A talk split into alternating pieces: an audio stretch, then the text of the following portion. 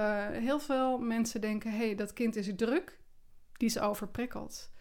Um, maar vaak zijn deze kinderen juist onderprikkeld en hebben ze meer prikkels nodig.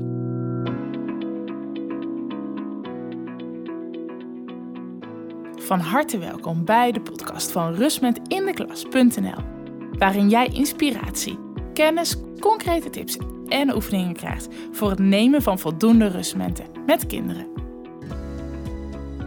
Mijn naam is Wendy de Groot. Ik ben leerkracht geweest, inmiddels ook moeder en oprichter van rustmetindeklas.nl. Ik neem je graag mee in mijn ervaring rondom rust en ontspanning voor kinderen en misschien ook wel voor jezelf. Heel veel luisterplezier en ontspanning gewenst.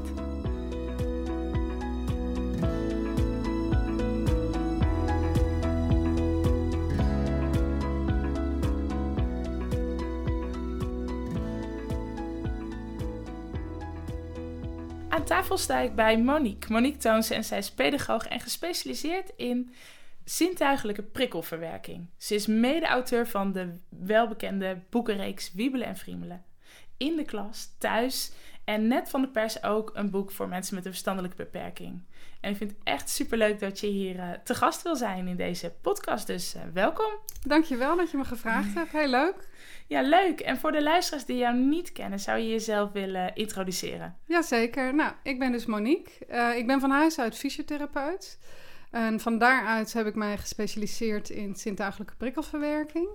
En omdat ik dan heel veel met gedrag te maken had uh, van kinderen, uh, ben ik ook pedagogiek gaan studeren. Nou, als je niet meer in de praktijk werkt, dan uh, mag je de um, titel fysiotherapeut niet meer dragen. Dus die uh, heb ik nu, uh, die is met pensioen. En ik ben dus pedagoog en vooral bezig met wiebelen en friemelen. Ja, mooi. Het is wel interessant, want um, wiebelen en friemelen, het is natuurlijk een opvallende titel.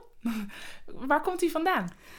Ja, nou, je hebt verschillende zintuigen. En uh, via die zintuigen kun je uh, reguleren hoe goed je kunt focussen, hoe je je voelt en hoe, alert je bent. En de zintuigen die mensen daar het meeste voor gebruiken zijn tast en beweging en evenwicht. Dus beweging en evenwicht is het wiebelen en tast is friemelen. Dat is um, iets wat mensen heel vaak doen om te zorgen dat ze zich lekker voelen dus. En dat ze zich goed kunnen focussen waar, op waar ze mee bezig zijn. Ja, mooi. Ja, dat is wat we ook veel in de praktijk dan zien. Dat gewiebel en gefriemel, zeker als je het relateert naar de klassensituatie, dan heb je meteen wel, tenminste toen ik nog voor de klas stond, ik heb gelijk nog kinderen in mijn gedachten. Oh ja, oh die. Ja, precies, maar dat is ook een aspect van de titel, want het, het uh, prikkelt ook. Want wiebelen en friemelen wordt gezien als um, ja, irritant en storend gedrag. En wat wij proberen te doen met de reeks is uitleggen waarom wiebelen en friemelen heel erg belangrijk is en waarom het werkt dat mensen dat doen. En als het dan storend is, heb je heel veel alternatieven. Ja. Ja, mooi. Dat storende gedrag. Daar gaan we zo meteen ook nog uh, Vast, even ja. op in. Uh, maar als we beginnen bij het begin. Je adviseert en begeleidt dus professionals, opvoeders, eh, kinderen en volwassenen. Als er dus sprake is van dat lastige gedrag.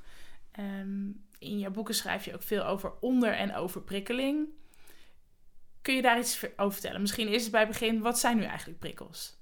Ja, nou, prikkels zijn um, alle dingen die je binnenkrijgt via je zintuigen. Dus dan kun je het bijvoorbeeld hebben over geluiden of tast. Maar ook uh, als je beweegt, krijg je informatie binnen in je bewegingszintuig. En ook in je evenwichtszintuig. Dat zijn al twee zintuigen die mensen misschien wat minder goed kennen. En verder is er ook nog een zintuig dat heet introceptie. Intro van binnen en septie van voelen.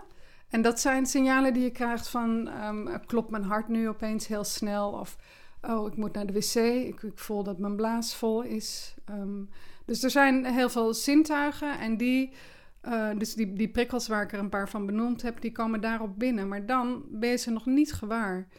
Die prikkels worden doorgestuurd via het zenuwstelsel naar de hersenen.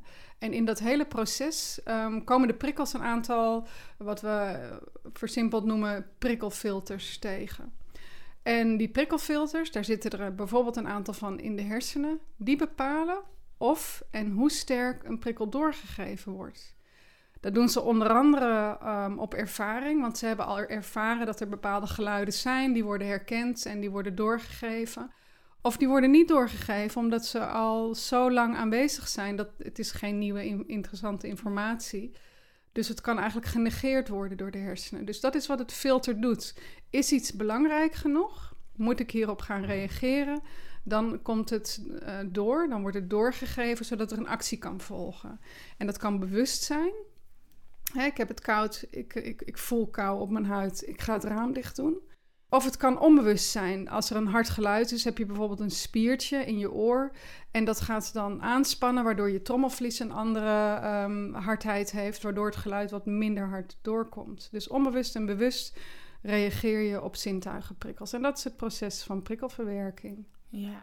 ja, dus eigenlijk begin je al bij dat er meer zintuigen zijn dan dat we gebruikelijk kennen. Ja, ik heb gelezen uh, op een site dat, dat ze er al 33 uh, oh, echt, uh, hebben um, eh, herkend. En dat is wel dat er bijvoorbeeld in de huid heb je meerdere zintuigen. Je hebt voor diepe druk, je hebt voor trilling, je hebt voor lichte tast, uh, je hebt uh, thermoreceptoren voor um, temperatuur. Maar 33 is dus heel, heel erg veel. En dat is ook wel super grappig, want mijn, mijn bedrijf heet Zeven Zintuigen. Zeven Zintuigen, ja. Um, wij, wij hebben nu binnen de prikkelverwerking hebben het over acht zintuigen. Ja. En, en omdat ik ook al 33 gelezen heb, heb ik aan mijn logo een plusje toegevoegd. want ja, om nou te veranderen naar acht zintuigen kan ik volgend jaar waarschijnlijk. Ja, dan weten we het niet. Nee, dus dat is iets wat we steeds meer ontdekken. Ja. Zintuigen die dan dus uh, prikkels waarnemen, opmerken, bewust, onbewust. En, de, en uiteindelijk dus via je zenuwstelsel doorgeven wordt naar je hersenen. Ja, en, en, in de hersenen, als je het bewust wordt, dan, dan gaat er een, een reactie uh, volgen. En niks doen is ook een reactie. Hè? Ja. Van nou, ik, ik voel tocht op mijn huid en oh wat heerlijk, want ik had het eigenlijk best warm. Ja. Dus ja. Ja, dat kan alle kanten op. Ja. Um, nu roepen we vaak, een kind is overprikkeld. Onderprikkeld horen overigens wat minder vaak. Um, beginnend bij de overprikkeling. Wat zien we dan? Nou, bij overprikkeling, als je het weer over dat prikkelfilter hebt, dan um, is, is dat iets te enthousiast met het doorgeven van prikkels. Dus je krijgt meer en, en hardere prikkels door. Um, en omdat je zoveel prikkels aan het verwerken bent, uh, dat kost allemaal energie. Dus alles wat doorkomt, kost energie. Um, en je kunt veel minder goed focussen op een bepaalde prikkel. Dus als je in de klas zit en buiten wordt uh, het gras gemaaid, dan komt dat misschien even hard binnen als dat de leerkracht die instructies aan het geven is binnenkomt. En kun jij niet goed focussen op alleen die leerkracht, want er komt nog veel meer binnen. Dan, dan raak je overprikkeld. Want eigenlijk zouden de hersenen hebben moeten besluiten dat geluid van die grasmaaier blijft hetzelfde. Is dus niet meer interessant. Hoef, hoef ik niet te horen. Net als dat je bij Schiphol woont, dan hoor je de vliegtuigen, als het goed is, ook niet meer. Want het is een, die prikkel blijft hetzelfde. Maar bij overprikkeling zien we dat mensen veel minder snel aanpassen aan die prikkel. Um, dus die blijven ze voelen, die blijven ze horen. Um, dus die blijft binnenkomen. Nou, dat kost heel veel energie. Daar word je onrustig, geïrriteerd. En je krijgt ook nog eens te horen, let nou eens op. Ja. Terwijl eigenlijk alles, uh, terwijl je heel erg aan het opletten je bent let op alles. Nee, maar dat is ook zo. Je let eigenlijk op alles. En, en dan krijg je ook nog te horen van, joh, hè, zit stil en let op. Ja. ja. en als we naar onderprikkeling kijken? Nou, dan, dan heb je een, een prikkelfilter dat um, um, iets te streng is. En die laat uh, veel prikkels niet door of zwakker door. En daardoor kom je informatie tekort. En als je informatie tekort komt dan, um, en, en niet voldoende prikkels binnenkrijgt, dan is het vaak zo dat je niet alert genoeg bent. Dat je, dat je lichaam dus ook niet wakker genoeg is. Je kunt eigenlijk je hersenen als een glas zien wat gevuld moet worden. Um, en, en die vulling is dan met prikkels. En pas, pas als het glas vol is, dan, um, dan ben je alert, dan ben je wakker en dan kun je leren. En als het glas dus niet helemaal vol is, dan, um, dan, dan is het zo dat, je niet goed kunt leren, dat je niet goed op kunt letten. Je mist informatie namelijk. Dus je mist bijvoorbeeld dat alle leerlingen al lang opgestaan zijn en hun spullen aan het opruimen zijn, want de les is voorbij en je pakt weer nieuwe spullen. Maar jij zit in je werk en die prikkel komt dan niet binnen. Nou, Dat kan zijn vanuit onderprikkeling. En uh, mensen die onderprikkeld zijn, kunnen op twee manieren reageren. Dat is of ze blijven loom en slaperig. Um, dus er komt niks binnen. Uh, die doen daar dus niks aan. Dat is ook overigens geen keuze. Uh, en de andere die gaat extra prikkels opzoeken. Om, omdat die prikkels tekort komt, helpt dat. Het helpt dat om die alertheid omhoog te krijgen. En dat zijn de drukke, enthousiast drukke kinderen in de klas. Die zijn dus constant bezig om, om te bewegen, te staan, in een andere houding op de stoel te zitten, uh, met een pen te klikken, met een elastiekje uh, te friemelen.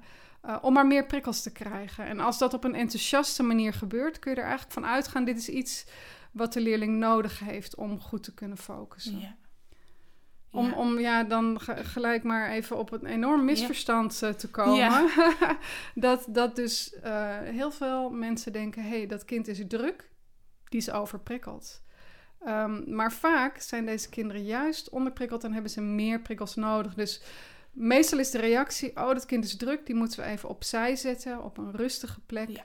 Uh, misschien met zo'n um, uh, studybuddy eromheen, zodat ze zich beter kunnen concentreren. Maar als dit onderprikkelde leerlingen zijn, dan wordt het alleen maar slechter. Ja. Pas als je ziet dat een uh, leerling vaak geïrriteerd is, kort lontje heeft en, en nerveus druk is, um, dan zou je kunnen kijken van hé, hey, ik denk dat hier inderdaad sprake is van overprikkeling. En dan moeten we gaan kijken uh, welke prikkels zouden dat zijn? Zijn het de geluiden, want iedereen is aan het overleggen? Of is het die grasmaaier? En wat kunnen we daar dan aan doen? Maar dus alleen als het kind nerveus druk is en vaak geïrriteerd is, dan is het waarschijnlijk overprikkeld. En in alle andere gevallen, en die kom ik echt veel vaker tegen, gaat het over onderprikkeling. Ja. ja, dat is mooi, want dat is denk ik inderdaad wat jij zegt, wat veel gebeurt. Uh, dat we kinderen zien met druk gedrag en we denken, hé, hey, die is overprikkeld. We moeten prikkels minderen. Ja. We moeten zorgen dat er minder binnenkomt. Terwijl jij nu eigenlijk aangeeft, um, we moeten onze hersenen zien als een glas. Die prikkels moeten gevuld worden. Ja, het glas moet vol zijn en dan ben je er. Als het glas overstroomt, heb je het over overprikkeling. Want dan zijn er te veel prikkels. En als het glas nog niet vol is, dan heb je het over onderprikkeling. Niet alles komt binnen. Ja, ja. Overprikkeling, onderprikkeling, inderdaad. Dus dat is een interessante um, onderscheid om daar duidelijkheid voor de luisteraar, de leerkracht, de ouder. Ja, en uh, vergeet niet dat er natuurlijk ook een neutrale prikkelverwerking is. Dat je over het algemeen voldoende ja. prikkels binnenkrijgt om op te reageren. En dat je over het algemeen geen last hebt van ja. prikkels. Dus die is er ook nog. Ja, daarom. Dat, daar, daar wilde ik inderdaad naartoe gaan. Hè? Want we hebben dat prikkelfilter en we gaan ervan uit dat gemiddeld genomen dat prikkelfilter voldoende werkt. Ja. Dat laat genoeg prikkels door. Ook niet te veel. Dat kan die, nou ja, die scheiding maken tussen dat, die gasmaaien buiten inderdaad. Ja. Um, en, en daar kunnen we van uitgaan. Soms zien we dus iets anders. En dan kunnen we verder kijken. Waar hebben we het nu eigenlijk over? Is het onderprikkeling, overprikkeling? En wat heeft het kind nodig? Ja, en dan kan je dus die, die SIP-bril opzetten. Die bril van zintuigelijke prikkelverwerking, waar wij het over hebben in de boeken. En wat je dan doet, is met in je achterhoofd die prikkelverwerking houdend kijken naar gedrag. En bedenken van zou onder- of overprikkeling hier een rol spelen in het storende gedrag? Want het, er zijn natuurlijk heel veel andere oorzaken die tot storend gedrag kunnen leiden. En dit is er eentje. Dus als je die SIP-bril, de bril zintuigelijke prikkelverwerkingbril, opzet, dan ga je prikkelverwerking in je achterhoofd houden en bedenken van oké, nou is, is dit kind misschien onder of overprikkeld? Ja.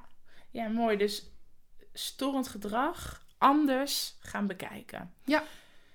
Storend gedrag in de klas? Wat zijn voorbeelden die je hoort? Nou, voorbeelden is dus het wiebelen en het friemelen, inderdaad. Maar bijvoorbeeld dat ze niet stil kunnen zitten. En um, dan gaan ze weer op één been zitten en dan weer op twee benen, dan weer gaan staan. Um, het wiebelen. Ja, precies. Of, of de stoel, uh, de, de betere stoelacrobatiek.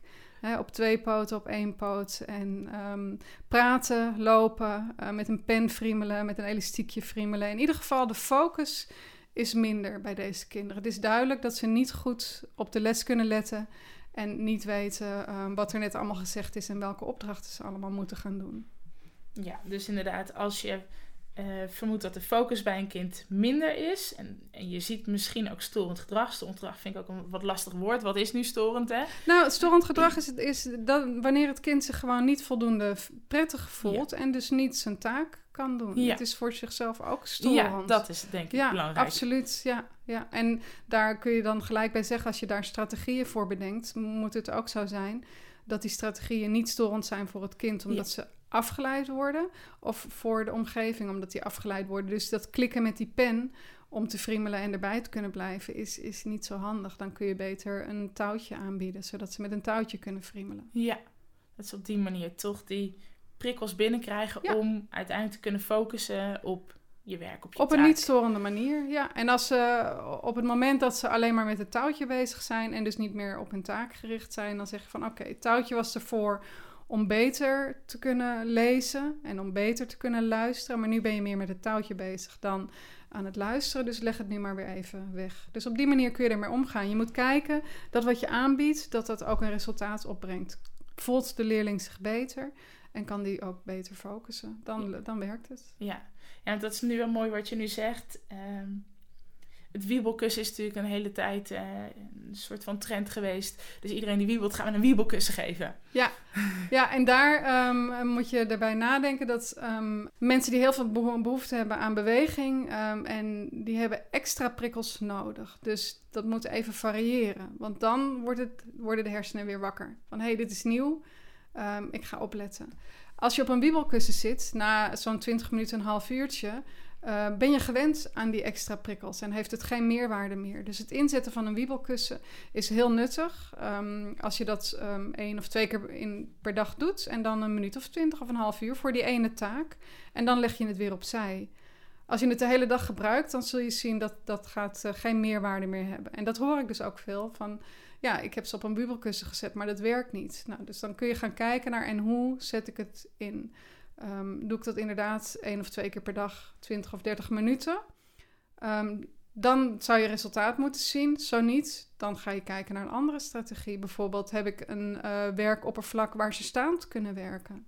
Ja, zoals wij nu ook staan tijdens deze opname. Ja. Dat geeft een hele andere energie. We hebben ervoor gekozen om te staan, omdat je dan alerter bent en betere focus. En daarnaast voor kinderen geldt ook, hè, als ze een beurt krijgen, zou je ze ook kunnen laten staan. Ook in de, als je in een kring zit of gewoon aan tafel zit. Want het, onze longen zijn nu ook makkelijker te gebruiken omdat we staan en, en niet een beetje voorover hangen in onze stoel. Of je zit toch een beetje in elkaar.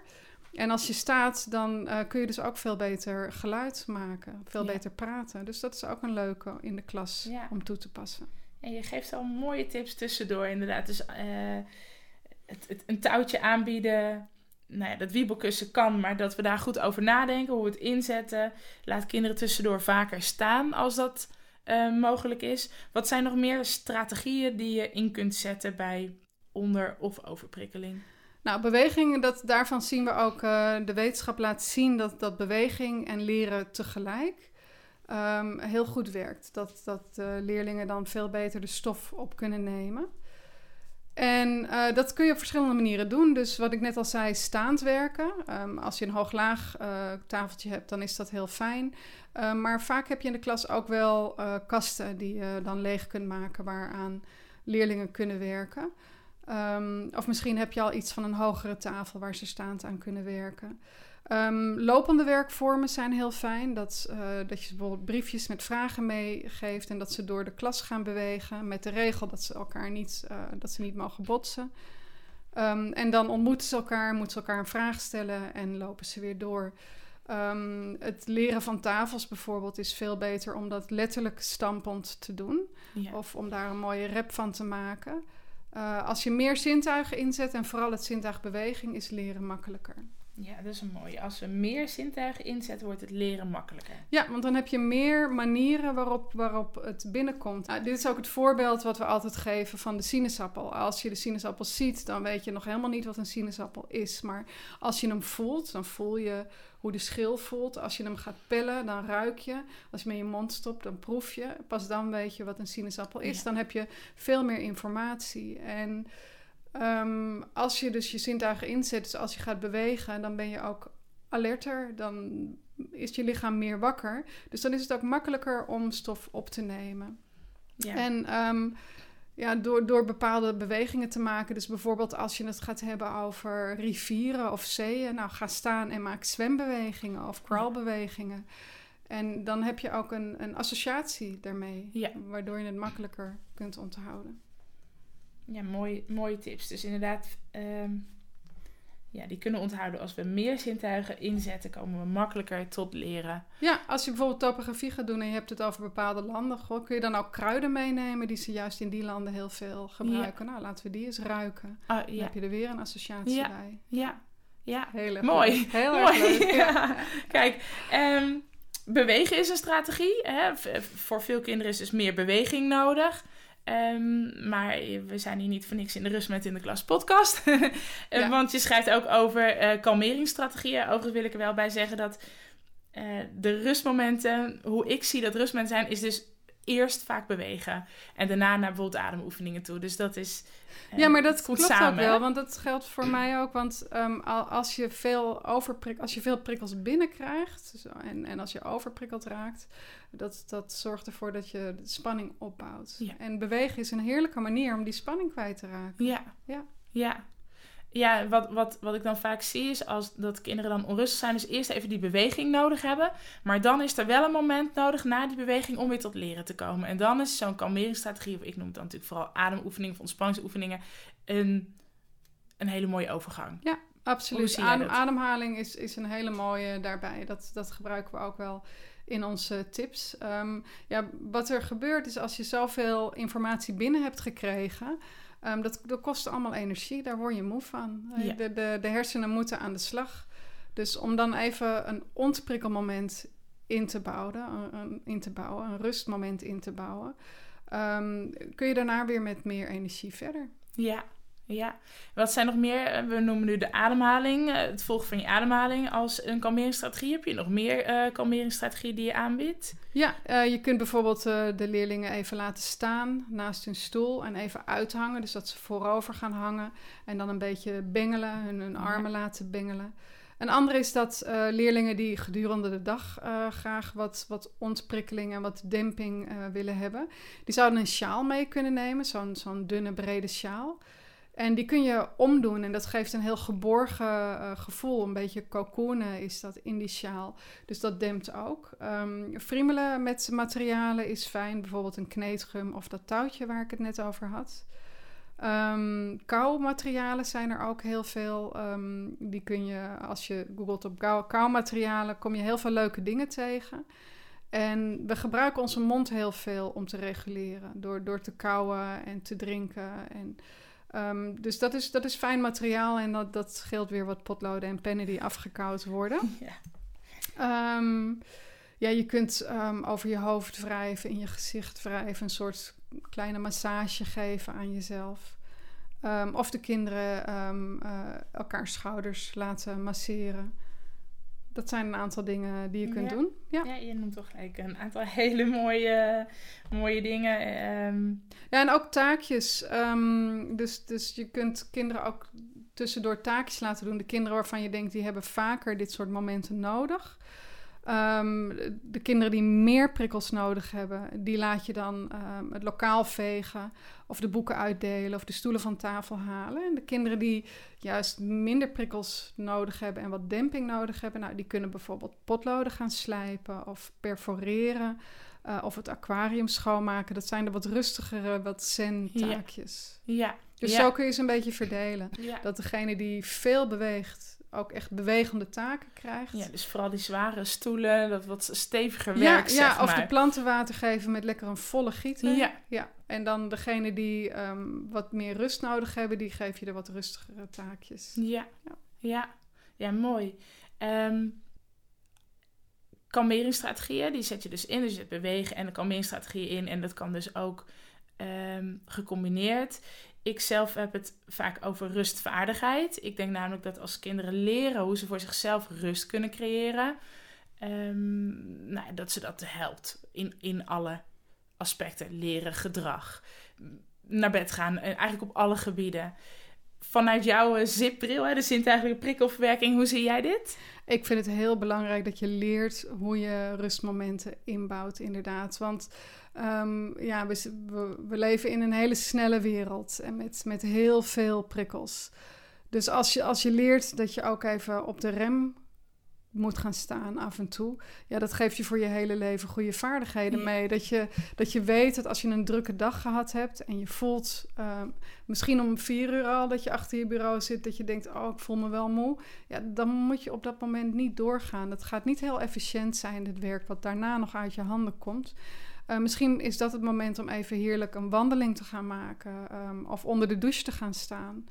Um, als um, mijn zoon heel erg overprikkeld raakt en, en daarin uh, ja, verdrietig en boos wordt, uh, dan, dan heb ik hem bijvoorbeeld geleerd van nou, ga, ga lekker douchen. Ja. En daar moest ik hem eerst nog heen brengen en zeggen van nee, het is oké, okay, ga maar even lekker onder de douche staan. En hielp ik hem met uitkleden en toen was hij nog jong. En nu ja. weet hij, um, ja, als het even helemaal niet lekker gaat en allemaal te veel is, ik, ik ga even douchen. Ja, even douchen, dat is al dat water rustgevend. Je krijgt, die, je krijgt extra prikkels en het is even niks. Het is uit, je kunt het van je af laten stromen, ja. zeg maar. Ja, ja. En, en, ja, een andere is dat je lekker naar een luisterboek gaat luisteren. Ja. Um, ik, ik, luister heel graag naar boeken. En uh, het liefst met Stephen Fry als verteller. Die heeft zo'n heerlijke stem. Ja. En dat is heel ontspannend. En dit kun je ook al bij jongere kinderen doen. Want het hoeft, ze hoeven niet eens zo te begrijpen wat er gezegd wordt. Dus ook bij mensen met een verstandelijke beperking is dit prima toe te passen. Maar als de stem fijn klinkt. Ja. Uh, dan is het heerlijk om daarnaar te luisteren. Ja. En sowieso muziek. Hè? Muziek kun je heel goed gebruiken om te reguleren. Dat gebeurt in de klas ook al wel. Um, je kunt rustgevende muziek opzetten als je wil dat er uh, rust is. En je kunt activerende muziek opzetten als je wil dat iedereen even actief wordt. Ja, mooi ook. Muziek is ook een mooie tip. Ja, daar heb ik ook een andere podcast over opgenomen, inderdaad. Um, het zet ook al een soort van setting neer. Zo, zo wil ik nu dat het gaat. En iedereen beweegt daar als het ware als vanzelf dan uh, in mee. Ja, ja, muziek is een hele mooie. Ja. Je, je zei eigenlijk net een hele mooie zin die ik toch nog wel even wil uh, uh, herhalen. Um, dat het een vaardigheid is dat je op tijd leert op de rem te staan. Eigenlijk een vaardigheid voor de rest van je leven. En dat is denk ik waar we samen ja. een raakvlak uh, hebben. Dat het niet ja. alleen gaat om dit nu, op dit moment, dat je in de klas je beter kan concentreren. Ja, zeker. Maar je leert ook iets voor de rest van je leven. Dat je eerder je lijf kent, eerder alarmsignalen leert herkennen. Ja, je moet gaan herkennen um, wat gebeurt er in mijn lijf. Weet je? Want ik zit best wel veel achter de computer, uh, schrijf boeken. En uh, nou, daar horen deadlines bij. Maar ik heb geleerd dat, dat op het moment dat ik een bepaalde zwaarte voel in mijn lichaam, dat, dat het geen zin heeft om door te gaan. Ja. Want dan wordt het echt niet beter van. En als je die signalen bij jezelf leert kennen, uh, ook de signalen waarin ik uh, snel geïrriteerd raak, ja. dan, dan, dan kan ik op, op een gegeven moment zeggen tegen uh, mijn partner en onze zoon: Oké, okay, ik even niet brain shutdown voor repairs. Want ja. um, ik raak geïrriteerd, merk ik. En, en een gesprek is nu niet, uh, dat gaat ga niet goed komen. Ja. ja, dus dat is heel fijn dat je dat voor jezelf al herkent. En dat je daar dus ook je eigen strategieën op toe Ja, en door daarover te praten, door dat ook te zeggen... en dat kunnen leerkrachten zelf ook doen... Ja. Um, uh, leer je de kinderen ook van... Oh, oké, okay, er is dus een bepaald moment dat het te veel is... en dan kun je daar iets aan doen. Um, en dat is heel waardevol om zelf te zeggen op het moment... oh, ik heb nu zoveel prikkels binnengekregen...